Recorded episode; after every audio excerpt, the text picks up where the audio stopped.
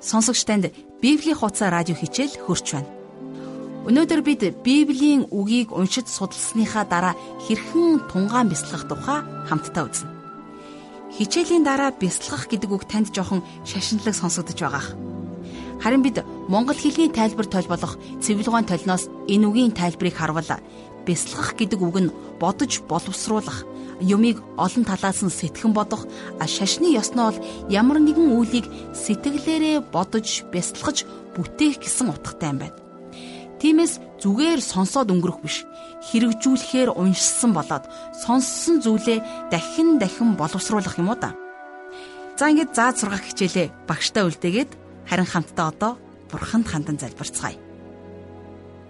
Бурхан минь бид таны үгийг уншаад бас сонссныхоо дараа хаана хэрхэн хэрэглэхийг тунгаан бясалгаж хэрэгжүүлдэг байхад та бидэнд туслаач.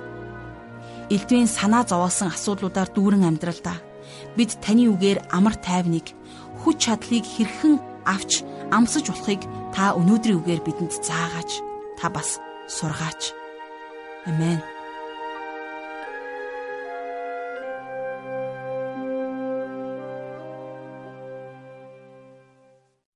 За өнөөдрийн бидний ярилцах сэдэв бол Библийг уншаад тэгээд тунгаан бясалгах.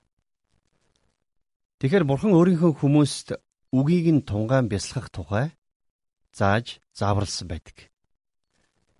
Бурхны үг Израилийн хүүгүүдийн өмнө үргэлж байдаг байсан. Тиймээс тэд нар энийг эргцүүлэн тунгааж бясалгах боломжтой байсан юм. Тэгэхээр Дид хууль номын 6 дугаар бүлэг дээр ингэж бичсэн байна л да. Өнөөдөр миний чамд тушааж байгаа энэ үгсийг чи зүрхэндээ байлгаж хөвгүүдтэй хичээнгүйлэн зааж гэртээ сууж байхдаа ч замд явж байхдаа ч хэвтэж байхдаа ч үндийн босготоо ч түүний тухай ярьж бай. Чи түүнийг тэмдэг болгон гартаан уйж хоёр нүдний хооронд сахиус мэт байлга.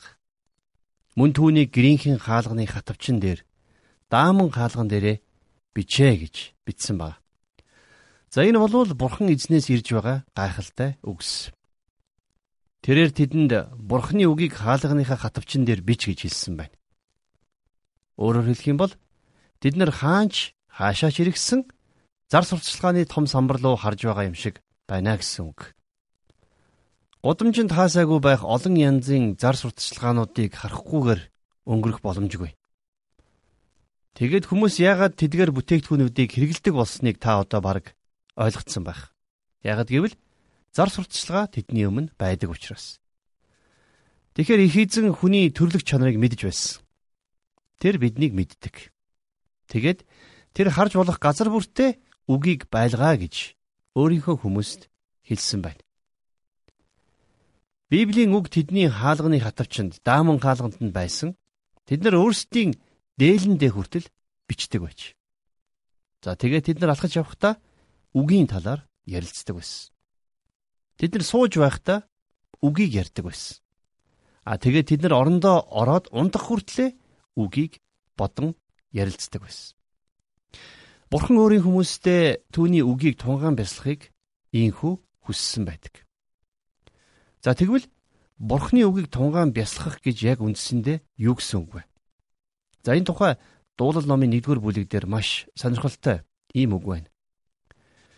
Хорон муу хүний зөвлөгөөг дагддаггүй.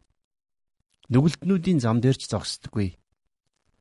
Басамжлагчдын суудалд ч суудаггүй хүн өрөөлтөй.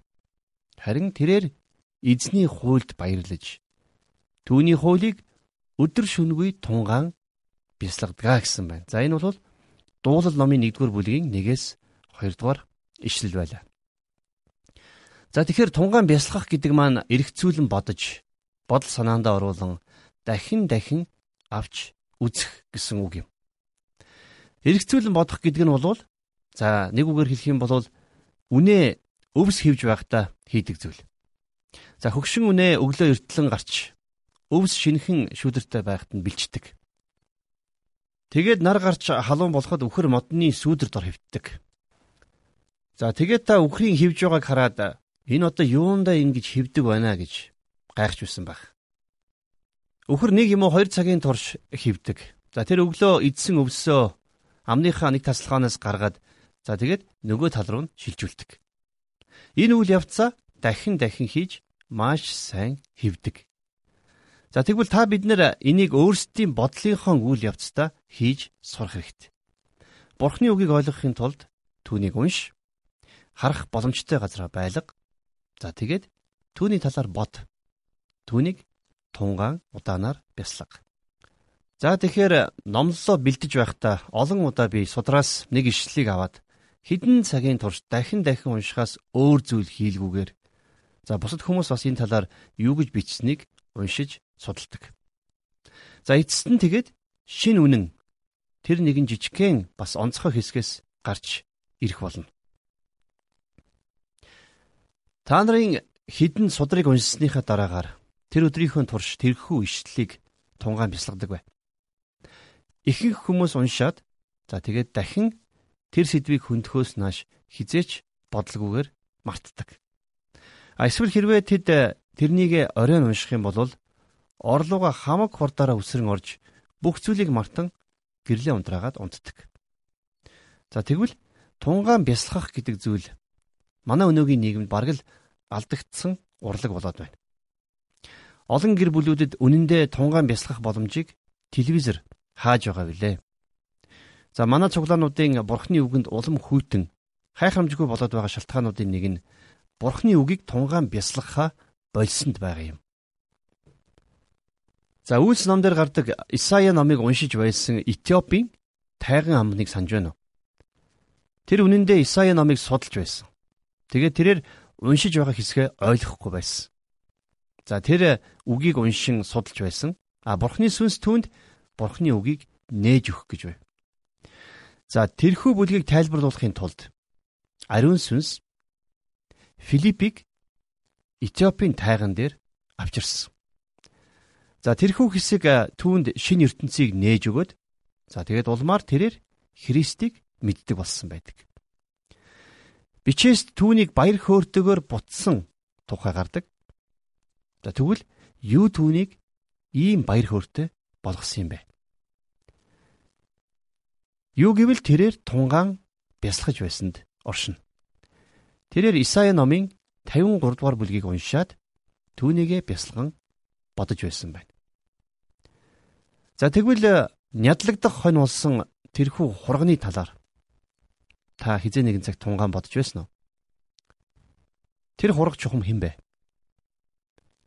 Тэр өөрийгөө Тэнгэрээс ирэн хонь мэд төөрөн одсон биднийг зөв замд оруулах чимэн тодорхойлсон байдаг. За мөн эзэн бидний бүх хууль бос явдлыг түүнд тогсон. Тэгэхээр та эдгээр зүйлсийг тунгаан бясалгадаг. За тэгвэл мөнөөх Этиопийн сайд энэ тухай тунгаан бясалгасан байна. За үүний дараа түүнийг юу хийсэн болоо гэсэн таамаг үргэлж байсаар ирсэн. За хууч яриагаар тэрээр нутагтаа очиж Этиопийн коптик сүмийг байгуулсан гэсэн яриа байдаг юм. За бид мэдэхгүй ч гэсэн тэр маш сайхан зүйл үйл явдал болж өнгөрсөн байна. За харин сонирхолтой нь гэх юм бол тэрээр баяр хөөртэйгээр замаа үргэлжлүүлсэн гэдэг явдал юм.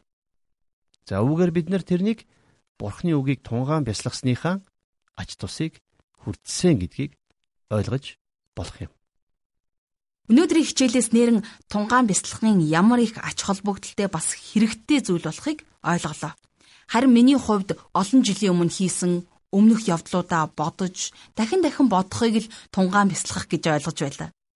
Харин өнөөдөр Библийг судалсны дараа тунгаан бясалгах нь энэ үгийг амьдралдаа хэрэгжүүлэх бас санан дурсах, үгээр урамших, Бурхны үгтээ үргэлж хамт амьдрахын баяр баясгалан хэрхэн мэдрэх тийм л нэгэн гайхамшигтай арга болохыг мэдэж авлаа. Дараагийн хичээл хүртэл олон зүйлийг тунгаан бясалгах боломж олдно гэдэгт итгэлтэй байна. Энэ цагийн төлөө талархаад хамтдаа залбирцгаая. Бурхан минь, урд нь өөрийн хэцүү зүйлийг бодож дахин дахин шаналдаг байсан Харин одоо таны үгийг тунгаан бясалгаж таны хайрыг, таны уучлал, таны нэгүслийг мэдэх боломж олгосонд бид дахин дахин талархаж байна. Үгийгт нь тунгаан бодоход үнэхээр над шиг нүгэлтэй нэгнийг яаж хайрлж байгаа нь таны агуу нэгүсэл илүү их ойлгогдож бас мэдрэгдэж байна. Өнөөдрийн гайхамшигтай хичээлийг заасан ойлгуулж өгсөн танд талархаж байна. Бүх зүйлийн төлөө танд талархлыг өргөж байна. Амен.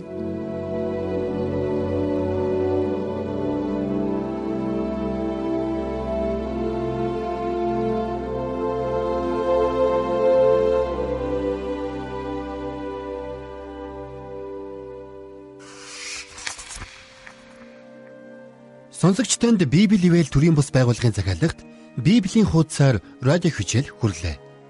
Энэхүү хичээл маань даваагаас баасан гарагийн 14 цаг 5 минутаас танд хүрж байгаа болно.